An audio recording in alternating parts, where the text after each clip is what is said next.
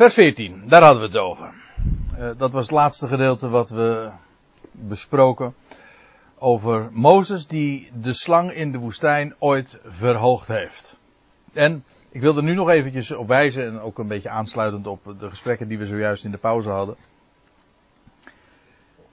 Dat die verhoging hier dus parallel loopt met het, met het dertiende vers, namelijk niemand is opgevaren naar de hemel dan die uit de hemel is nederdalende, namelijk de Ben Adam. En dan, en, en gelijk, dat wil zeggen op dezelfde wijze als Mozes de slang in de woestijn verhoogd heeft. Nou, dan denk je bij die verhoging dus, als je gewoon uh, even heel clean denkt, zonder vooroordeel, en de tekst neemt zoals het is, dan is dit, die verhoging verwijst naar het feit dat hij verhoogd is, in de zin dus ook ten, naar de hemel is opgevaren.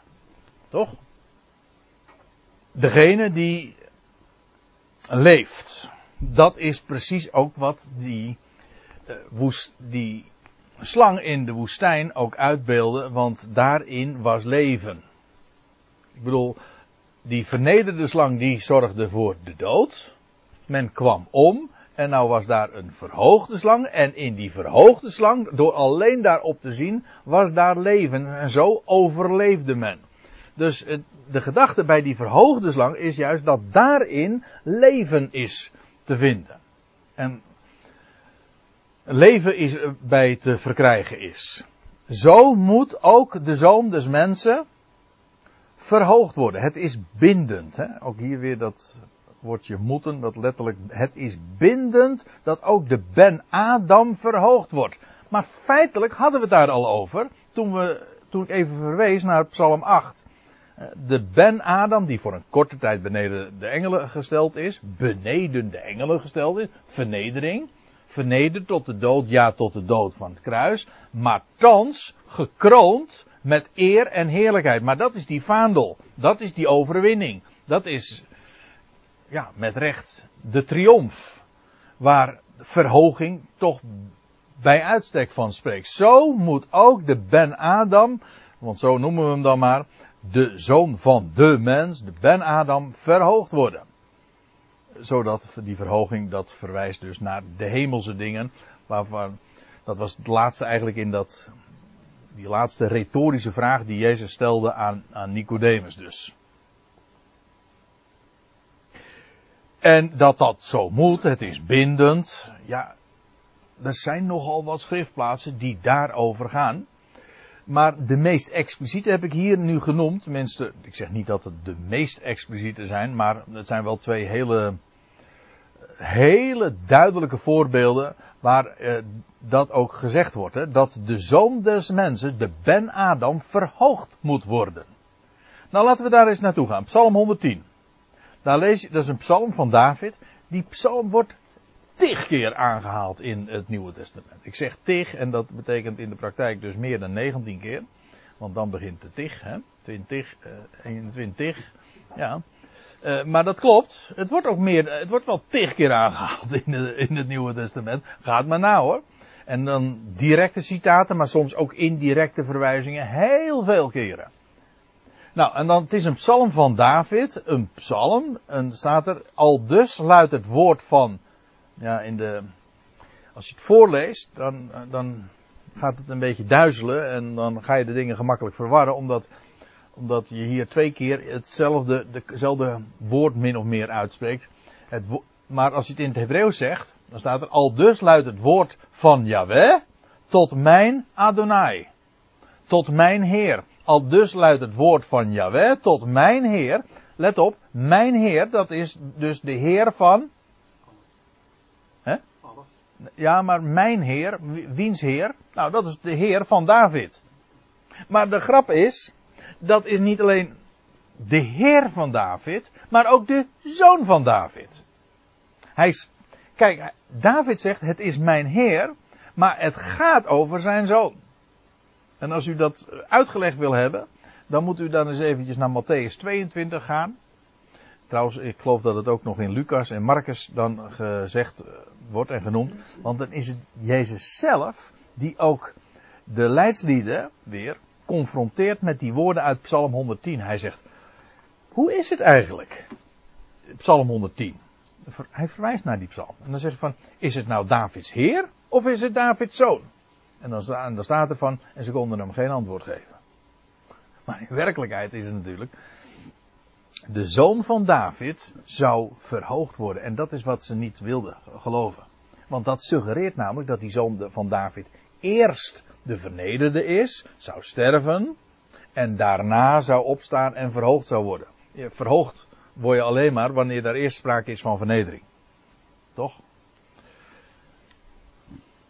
Maar de, deze psalm, psalm 110, later in deze psalm wordt er gesproken van, wordt hij aangesproken, die Messias, als gij zijt uh, de uh, koning naar de ordening, nee, gij zijt priester naar de ordening van Melchizedek.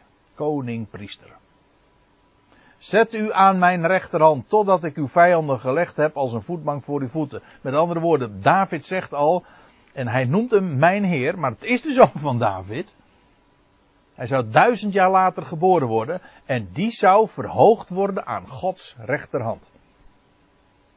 Dus als Jezus zegt, zo moet ook de Ben-Adam verhoogd worden, hoezo moet? Nou, zo staat het al geschreven. David heeft dat ooit al zo opgetekend. Dat de zoon, de Ben-Adam, verhoogd moet worden aan, aan de rechterhand van God. Totdat ik uw vijanden gelegd heb als een voetbank voor uw voeten. Nou, dat is één voorbeeld. Dan heb ik er nog eentje. Die is misschien nog wat duidelijker, omdat daar ook het woord verhogen gebruikt wordt. Jezaja 52. U weet wel, dat is net de inleiding tot Jezaja 53. Dat is een begrip, hè. Als ik zeg Jezaja 53, dat, dat, dat is bekend, tenminste onder ons. Dat is het hoofdstuk dat gaat over de Messias die zou lijden en sterven. Die, de man van smarten. Hele bekende profetie. Heel treffend. Maar dan staat er dit. In Jesaja 52 vers 13. Zie, mijn knecht, hier is God zelf aan het woord, bij monden van Jesaja. Zie, mijn knecht zal voorspoedig zijn, succesvol zijn. Hij zal verhoogd, ja, ten hoogste verheven zijn. Het gaat hier over de knecht van Yahweh. Die verhoogd zal zijn, ja, ten hoogste verheven. En dat staat tegenover, nou kijk, let even op. Zoals velen zich over u, die knecht, ontzet hebben, zozeer misvormd, niet meer menselijk was zijn verschijning en niet meer als die der mensenkinderen zijn gestalte. Dat is zijn vernedering, wat, wat ze hem hebben aangedaan. Zo, men was ontzet over hem. Wordt trouwens, dit wordt ook aangehaald in de evangelie. Als Jezus dan sterft aan het kruis, wat ze hem, hoe ze hem hebben misvormd. Niet meer menselijk was zijn verschijning. Nou, dat was, kijk, dat was, dit, vers 14, dit is aan het kruis, niet waar? Dit is zijn uiterste vernedering. Ook al was het aan een kruis en al was het boven de aarde in de fysieke zin, in de geestelijke zin was het zijn uiterste vernedering. Maar dan staat er, zo zal hij vele volkeren doen opspringen. Om hem zullen koningen verstommen, want wat hun niet verteld was, dat zien zij. En wat ze niet gehoord hadden, dat vernemen zij. Nou ja, dan gaat het verder, want dan, als ik me niet vergis, volgt hier op uh, Jezaja 53 dan. Maar het gaat me eventjes om deze vetgedrukte woorden natuurlijk. Hier ook, hij zal verhoogd zijn, mijn knecht. Eerst zijn vernedering, zijn uiterste vernedering, tot de dood, ja tot de dood van het kruis. Maar zo zal hij ook verhoogd zijn. Nou, als Jezus zegt in Johannes, nee, pardon, nou spreek ik mezelf tegen. Als Johannes zegt in Johannes 3, de zoon des mensen moet verhoogd worden, dan is dat moeten, dat bindend, ook vanwege wat er staat geschreven. Zo stond het in, al in hun geschriften. Hij zal verhoogd, ja ten hoogste verheven zijn.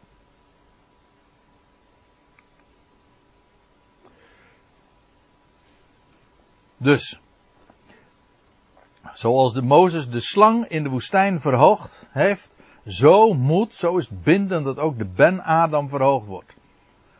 Opdat, en nou komt vers 15, opdat een ieder die gelooft in hem eeuwig leven hebben. Ja, gelovende, dat, dat, dat in hem, dat slaat op gelovende. Je zou het ook nog zo in het Nederlands kunnen lezen dat dat leven in hem is. Maar als je het in het Grieks leest, dan gaat dat gelovende in hem, dat is al hebben, leven dat ionisch is. En ik, zet altijd bewust, dat is geen uh, verschrijving, uh, een streepje tussen dat uh, eerste en dat tweede lettergreep van het woordje eeuwig, om daarmee ook aan te geven dat, het te maken, dat dit woord te maken heeft met eeuw. Dus een hele, een hele slimme manier vind ik zelf eigenlijk om, om, het, om het even duidelijk te maken. Dat zo begrijpt, als je zegt eeuwig, dan begrijp je meteen van, aha, dat woord heeft te maken met eeuw, met aion, met een tijdperk. Veel meer dan wanneer je dat streepje weglaat. Het is misschien een beetje overbodig wat ik nou zeg, maar uh, even mijn gedachten over die verhoging. Ja. En uh, of dat ieder die in hem gelooft, mijn gedachten vroeger, ja. geloven in die gekruisigde Christus, nee, geloven in de opgestaan Christus. Absoluut, ja, dat kan niet missen. Ja. Ja. Dat betekent dus wel, hij is gestorven, maar dat is, dat is het eerste. Dat, is, dat was noodzakelijk. Maar wij geloven in een levende Messias. En dat is wat ons ook tot gelovigen maakt. He, dat wij in ieder met uw mond beleid dat hij Heer is. En met uw hart gelooft dat God hem uit de doden heeft opgewekt. Dat hij een gedode was. Dat hij gestorven is. Dat is zijn vernedering. Maar wij, wat ons tot een gelovige maakt, is dat we geloven dat God hem uit de doden heeft opgewekt. En daarmee is hij ook Heer, Curios. En in hem, die verhoogd is, daarin hebben wij leven. Het is zo logisch. Het is de gedachte van dat uh, hij in zijn sterven ons het leven geeft. Dat is, dat is niet logisch. Hij, hij stierf. En hij werd opgewekt. En in die opwekking bracht hij leven aan het licht. En dat leven, dat geeft hij. Dat deelt hij met ons en degene die, en ieder die in hem gelooft.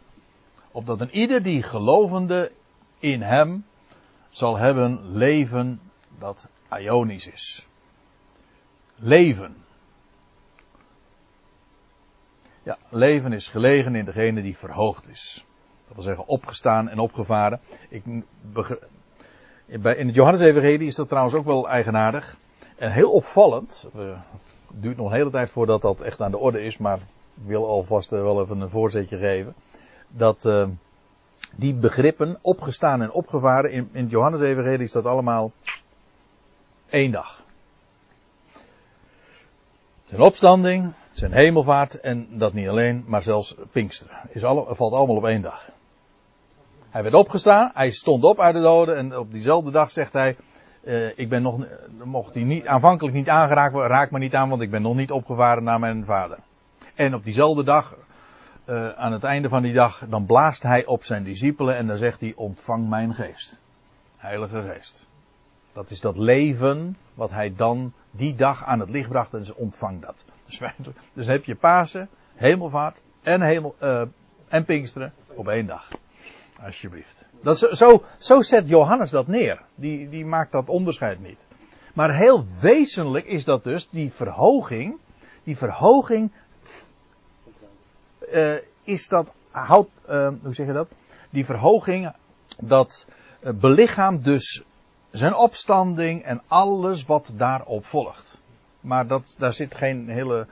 Nou ja, goed. Je kunt, je kunt verdedigen van. Pas op de veertigste dag werd hij demonstratief ten hemel gevaar, voer hij op ten hemel. Dat is waar. Maar het was al diezelfde dag dat hij als eersteling zich presenteerde aan zijn vader.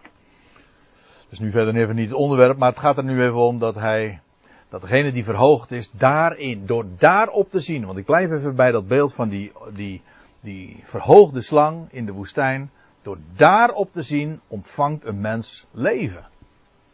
Namelijk opstandingsleven. Want alzo, ja, nou komen we natuurlijk op vers 16. Ja. Er is geen vers in de Bijbel dat zo bekend is als dit vers, Johannes 3, vers 16. Dat is een begrip, velen kennen dat uit hun hoofd. En ja, het is natuurlijk een schitterend woord. Want al, zo lief, laten we het uh, nog eens lezen. Laten we, Want dat is nadeel wel eens van, uh, van hele bekende passages en bekende teksten. Die kunnen zo bekend zijn dat, je ze, dat ze helemaal plat geciteerd zijn. Dat je eigenlijk niet eens meer weet wat er eigenlijk staat. Uh, bijvoorbeeld even deze, dit punt. Hè? Want al zo. We denken dan heel gemakkelijk van zo lief. Maar het woordje al zo, dat betekent op deze wijze. Namelijk, dit hier begint met want, dus dat verwijst nog weer naar het voorgaande. Op dezelfde wijze zoals Mozes, de slang in de woestijn, zo zal de zoon des mensen verhogen. Want al zo, dat wil zeggen, op die wijze heeft God de wereld lief. Begrijp me goed, ik weet ook wel dat als je, zegt, als je het even hebt over de liefde van God, die is zo onmetelijk groot. Maar dat is hier niet de gedachte. Het gaat er niet om hoe groot die liefde is. Het gaat erom op welke wijze die liefde van God zich manifesteert. Dat is hier het punt.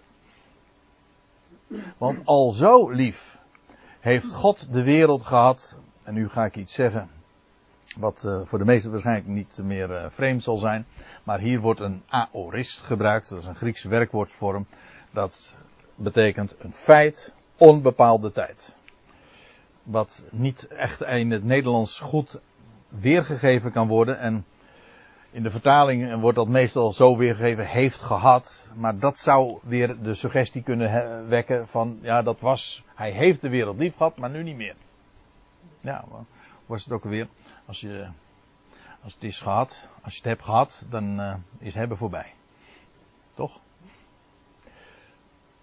Maar dat is hier niet de gedachte. Hij heeft de wereld lief. Daar, daar, ben ik wel erg blij mee hoor. Met, die, met het feit dat hier zo'n een, feit wordt neergezet. Het is onbepaalde tijd. Want dit gaat niet ergens over uh, het verleden of over iets dat voltooid is. Ook niet over iets toekomst.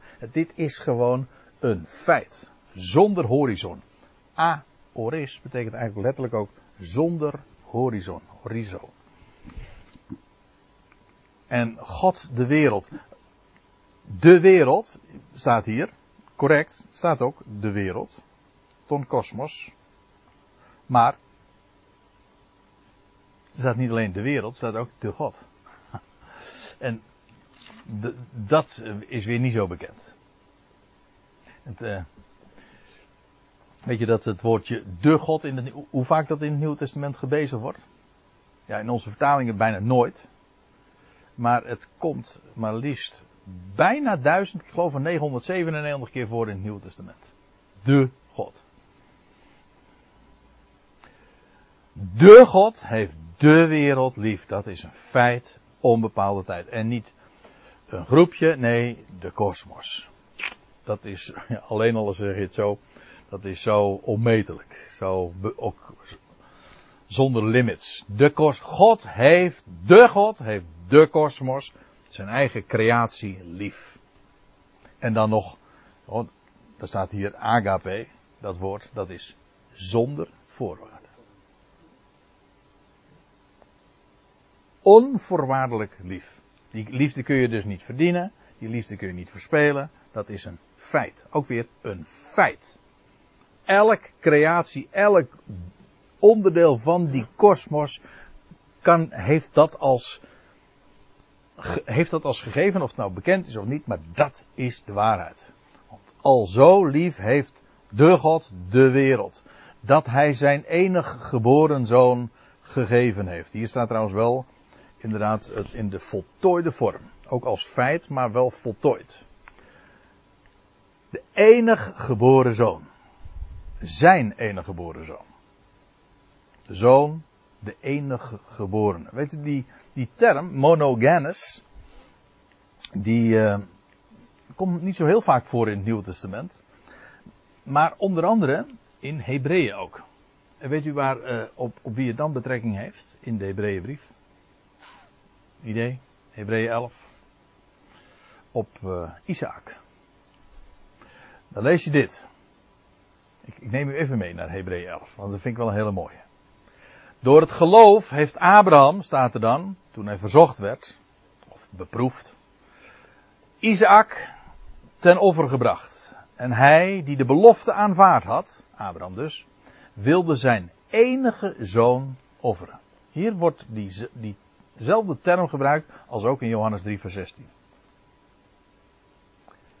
Ik wil er even ook op wijzen dat hier gesproken wordt over de enige, over Isaac, de zoon van de belofte. De zoon van Abraham, op zich al, dat zijn echt zulke messiaanse termen. Maar dan, dat niet alleen, het is ook nog eens een keer, hij, waar moest hij geofferd worden? Op de bergen van Moria. Precies. En dan lees je dat, dat Abraham op stap gaat, op reis gaat, en op de derde dag staat er, sloeg hij zijn ogen op, en dan die dag gebeurt dat allemaal. Dan weet je eigenlijk meteen al, dat offer van die enige zoon, die enige geborene, dat heeft te maken met de derde dag en met, met nieuw leven. En daar op de bergen van Moria, daar heeft Abraham dat, dat offer gebracht. Hij, tot wie gezegd was, door Isaac zal men van nageslag van u spreken. Dat had God dus van tevoren al gezegd. Als er sprake is van nazaat, dan is dat via Isaac. Niet via de andere zoon. Die wordt dus niet, leuk hè, die wordt dus niet eens meegerekend. Isaac heet de enige geboren zoon. Terwijl je zou kunnen zeggen van ja, wacht even. Maar uh, Abraham had nog een zoon eerder. Zelfs nog de oudste rechter ook. Nee, wordt niet eens meegeteld. De zoon van een slavin. De zoon van de slavin, ja. Nee. Ja, wel. Nou ja, sorry. Uh, tot wie gezegd was, door Isaac zal men van zaad van u spreken. Door Isaac zal men van zaad, zo moet ik de klemtoon leggen. Zal men van zaad van u spreken. En, en moet je eens opletten. Hij heeft overwogen. Hij is hier natuurlijk Abraham. Hij heeft overwogen dat God bij machten was hem zelfs uit de doden op te wekken. Ja, dan zou je zeggen, hoe wist Abraham dat nou weer? Zeg? En, en, en nou laat ik het nog anders vragen. Hoe wist de schrijver van de Hebreeënbrief dat Abraham dat heeft overwogen? En er is een hele simpele aanwijzing en dat is dat je op die derde dag dan leest dat Abraham tegen zijn knechten zegt, wacht hier tot wij weer tot u teruggekeerd zijn. Dat wil zeggen, Abraham zegt tegen die knechten, niet alleen ik kom tot jullie terug, maar Isaac ook. Dus met andere woorden, hij wist dat hij zijn zoon moest offeren, maar nou, als God dat dan zegt, maar ik weet ook dat via Isaac zal van sprake zijn van zaad, nou dan, dan kan het niet anders dan dat God hem weer uit de doden opwekt. Op de derde dag was dit. Dus waar spreekt die ene geboren zoon ook hier weer van? Daar op die bergen van Moria, van de God die de doden levend maakt. Hij heeft overwogen dat God bij machten was hem zelfs uit de doden op te wekken. En dan staat erbij, en daaruit heeft hij hem ook bij wijze van spreken teruggekregen. Niet letterlijk, maar deze enige zoon spreekt uiteraard wel van die andere zoon van Abraham, die met recht het over was.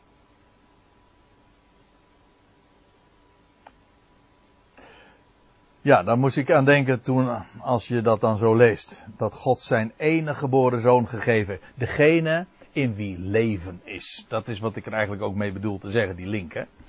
Degene in wie het leven is. Opdat een ieder die in hem gelooft. Ook hier weer, net zoals die. Het in hem geloven, dat, is, dat loopt parallel met wat ooit gebeurde daar in de woestijn. Degene die opzag. Was dat een prestatie? Nee. Ze gingen allemaal dood. Ze, die dreiging was, ze, gingen allemaal, ze kwamen allemaal om. Tenzij, tenzij men opzag naar die verhoogde slang. Was dat, dat was helemaal geen prestatie. Ja, je zou eigenlijk alleen maar zeggen: het is stupide om dat niet te doen. Er zullen er ook op bij geweest die hebben twijfel Ja, het gaat dus helemaal niet over, over het hartsgesteldheid. Je weet maar nooit. Ja. Ja. Nee, dat is Ik denk het wel, ik zou het wel doen. Ja. Hoop ik. Ja. nou ja, hoe dan ook. Hoe dan ook. Nee, maar het leuke is wel wat je. Dat opzien. Kijk, wij denken heel gauw van. van de, heel in de, toch in de mystieke zin van het woord. Welke overwegingen een mens daar allemaal bij kan hebben. Maar dat is hier niet aan de orde. Gewoon, kijk daar naar. Ik bedoel, daar is leven. En dan gaat het helemaal niet over dat wat er allemaal in ons omgaat. Of je nou twijfelt of niet, dat doet niet de zaken. Daar is leven. En ik, ik ben er toch wel heel erg blij mee dat, Nou dat de Bijbel ook gewoon hard is. Vaak eh, over de oprechtheid van die mensen. Ja. Maar, maar daarom zeg ik dat ook in twijfel. Gewoon als er opgezien werd naar die slang, dan wordt het naar buiten. Precies, ja. ja. In welke hoedanigheid of uh, Ja. ja. roervoer men dan dat Ja. zal hebben. Amen. Amen, dat is geloven toch? ja. Opdat een ieder die in hem gelooft, opziet naar als, op, als ooit degene die opzagen naar die slang, niet verloren gaat, dat wil zeggen omkomen. Ja, ook hier weer, denk even aan het beeld. Degene die daar in die woestijn, die kwamen, al, die kwamen om. Dat is wat eh, verloren gaan betekent. Nogmaals, of niet nogmaals, want we hebben het er nog niet over gehad. Maar eh, we hebben het er bij andere gelegenheden wel vaak over gehad. Mensen denken natuurlijk, maar die associatie zijn we inmiddels toch wel eh, redelijk aan het kwijtraken. Hoop ik zo langzamerhand. Hè, van de gedachte van de hel of de, de eeuwige verdoemenis of zo. Dat heeft er niets mee te maken. Het gaat erom, de mens is stervende. We zijn allemaal stervelingen. We, zijn, we komen allemaal om. En is er leven? Jazeker, er is leven. En na de dood. Daar, wordt, eh, daar worden grapjes over gemaakt en spotliedjes over gemaakt. Maar eigenlijk is het zo. Waar is leven? Ja, uiteraard na de dood, want voor de dood is het niet. Voor de dood is het sterven. Ik bedoel, alles wat naar de dood leidt, dat heet sterven. En dat eindigt in de dood. En als er dan leven is, dan moet het na de dood zijn. En dat is eigenlijk de Bijbelse prediking. Er is leven. Er is leven, echt opstandingsleven. En waar is dat? Dat is daar. Ja, nu letterlijk, want degene die dat leven belichaamt, ook dat bedoel ik letterlijk, dat, die is daar. Wij zien hem. Opdat een ieder die in hem gelooft, de enige geboren zoon, die verhoogd is, niet verloren gaat, niet omkomen. Eigenlijk, ja, daar hoef je dus uh, helemaal niks voor te doen. Dat, dat is gewoon de positie waarin een Adamiet is gelegen. Hij is een sterveling, maar eeuwig leven hebben. En hier is dat uiteraard ook dat leven van die toekomende eeuw. Degene die vandaag gelooft, die ontvangt dat leven van die toekomende eeuw. En dat het inderdaad die toekomende eeuw is, dat staat hier. Maar ik wil trouwens op nog iets wijzen. En dat is dat, uh, dat in Johannes Evangelie is dat, dat leven natuurlijk van de toekomende eeuw. Want het is het leven dat bij die eeuw hoort. Maar wat is dat leven dan? Kun je dat leven nu al hebben? En dan zeg ik, in het Johannes-evangelie, wis en waarachtig. Dat is dat eeuwige leven, dat mag het leven zijn van de toekomende eeuw, maar we genieten het vandaag al. Vandaar ook, in het tegen, uh, nou hier is dat niet zozeer uh, de gedachte, uh, maar die heeft eeuwig leven in de tegenwoordige tijd. En hoezo? Je kan zeggen van, ja, maar het is toch, de, het is toch het leven van de toekomende eeuw? Jawel, maar dat leven, dat hebben we nu al. Het hoort thuis in de toekomende eeuw, maar dat leven wordt nu reeds genoten. Ik heb daar een heel mooi bewijs voor. Ik heb er meerdere, maar laat ik me even beperken tot de beste. Tenminste, in mijn ogen. Hè? Sorry? Oh, we zijn al mede opgewekt. Ja, nou ja, dat, je, daarvan zou je kunnen zeggen dat is Paulus dan weer, maar ja, het is absoluut waar. In hem, en hoe zegt uh, Paulus dat? Zoek de dingen die boven zijn, waar Christus is, die ons leven is. Maar als, ook als het gaat over dat, dat eeuwige leven, dat Ionische leven. Johannes 17, dat is, dat is de Heer die dat dan zo zegt. Dit nu, zegt hij, dit nu is het eeuwige leven. Dat zij u kennen. En u, dat is de Vader. Kijk maar, hij zegt, in vers 1 zegt hij dan, Vader, die spreekt hij aan. Dus Jezus die dit zegt, dit nu is het Ionische leven. Dat leven dus van die eeuw. Dat zij u kennen. De enige waarachtige God. Als ik het zo zeg, dan vraag ik me wel eens af hoeveel christenen uh, weten uh, van dat eeuwige leven. Hoeveel christenen weten dat de Vader, die Jezus hier aanspreekt, de enige waarachtige God is. Het is eigenlijk nog sterker. Ja, sorry, dat zeg ik misschien, is chockerend. Maar het is eigenlijk nog sterker. Men, men gelooft het juist niet. Het is een ketterij zelfs als je zegt dat de Vader die Jezus aansprak de enige waarachtige God is. Maar, maar de Heer Jezus zegt dat dat nu juist is het Ionische leven. Straks, in de toekomende eeuw. Ik vind het zo geweldig, dat is ook Jezaja. Daar staat er van dat straks de aarde, de aarde zal vol zijn van de kennis van Yahweh. Zoals de wateren de zeebodem bedekken. Dus de hele wereld, die hele toekomende eeuw wordt gekenmerkt door het kennen van de enige waarachtige God. Dat is, eh, ik bedoel, straks is de hele wereld echt monotheïst hoor. Die geloven dat de Vader de enige waarachtige God is. En Jezus Christus dan? Nou, dat is degene die die enige waarachtige God gezonden heeft. En dat zal straks ook bekend zijn. In wie God dat leven aan het licht bracht. En die straks ook zal heersen. En de, de zoon van David, de Ben Adam, et cetera. Maar hij is degene die God gezonden heeft. Ook het beeld van God. Maar niettemin, God is de, de Vader is die enige waarachtige God. Dat is, dus je ziet wel, tenminste, ik hoop dat dat duidelijk is. Dit is weliswaar iets dat hoort in de toekomende aion. Maar wij mogen toch vandaag al dat, dit kennen, die enige waarachtige God en degene die God gezonden heeft. Dat is ons leven nu. Dan morgen jarig en vandaag heb ik op. Ja, zo, ja zoiets. Ja, dat is een mooie. Nee, dat, dat, is, dat is dan het punt nog, hè? Ja. En nou maar uitpakken. Ja. En, het is een cadeau. Dit is een cadeau. Ik bedoel, het kennen van God. Ik bedoel, dat is het enige wat het leven werkelijk zin geeft. Als je God niet kent. En als weet dat Hij de God is en die de wereld, de wereld, de kosmos lief heeft. Wat Hij gegeven heeft in zijn Zoon. Die het leven is. Ja, jongens. Heel. Vertaald is. De enige, drie enige God. Vroeger. Ja, gewoon, maar dan is het geen vertaling meer natuurlijk. Dan zit je gewoon te verzinnen. Ja, dat, eh, daar hebben ze ook niet zoveel moeite mee, maar goed. Ja, ja, het het klopt. Ja, nee, maar dit is alleen, ik bedoel, dit is zo'n duidelijke statement. Zo duidelijk, ook zo absoluut, omdat hier iemand wordt aangesproken en wordt gezegd, hij is uniek, de enige. Ja, eh, hoe je dit ook wendt of keert, hier kom je never nooit uit. Dit staat er en, en dit wordt elders in de Bijbel alleen maar onderstreept en bevestigd. Ja, wij hoeven dit niet, eh, ik ben blij dat ik dit niet hoef, eh, hoe zeg je dat, eh, hiermee hoef te marchanderen om dit toch weer kloppend te maken met, met, eh, met, met de theorieën en de theologie. Want het lijkt me echt een drama om zo'n fundamentele waarheid tegen te spreken. Ik ben, ik ben juist zo blij dat, dat dit, dit de waarheid is.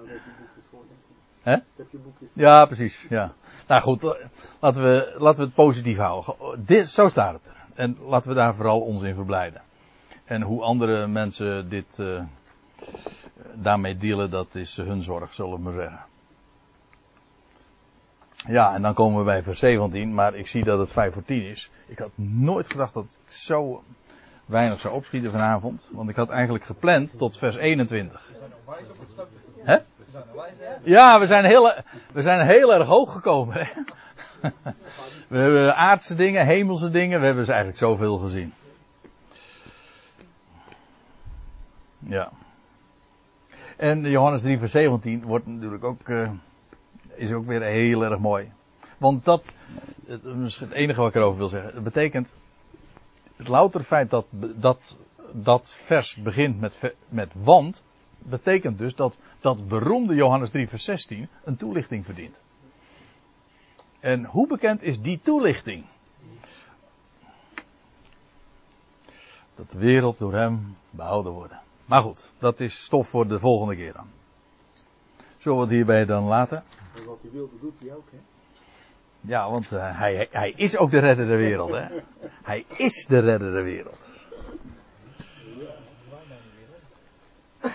Dus.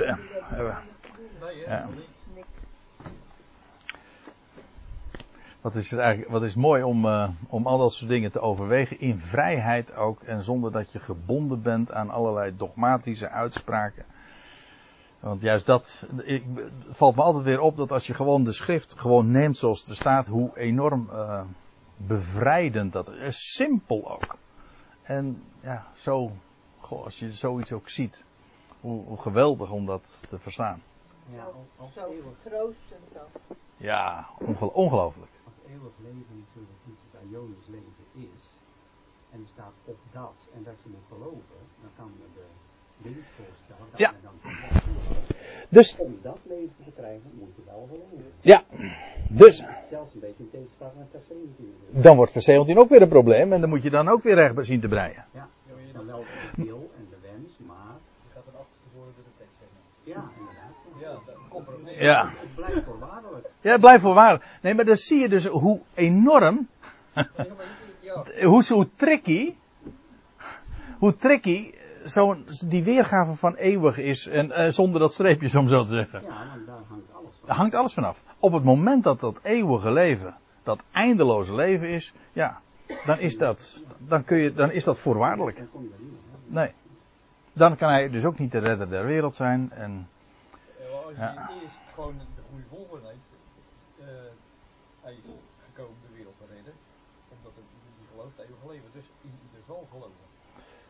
ja. Nou, je kunt, zou nog kunnen zeggen.